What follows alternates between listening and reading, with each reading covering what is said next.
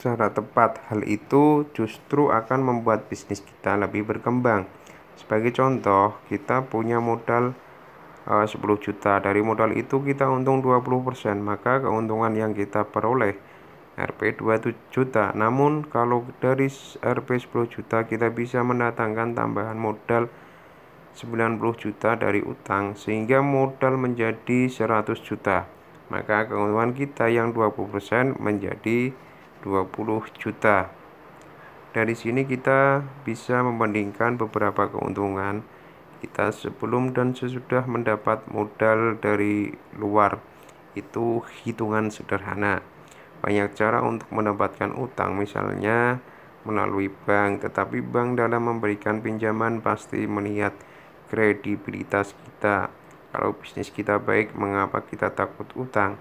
Karena dengan tambahnya modal, maka bisnis kita akan menjadi lebih baik. Sehingga dengan berkembangnya bisnis kita, dampak positifnya dapat membuka lapangan kerja baru.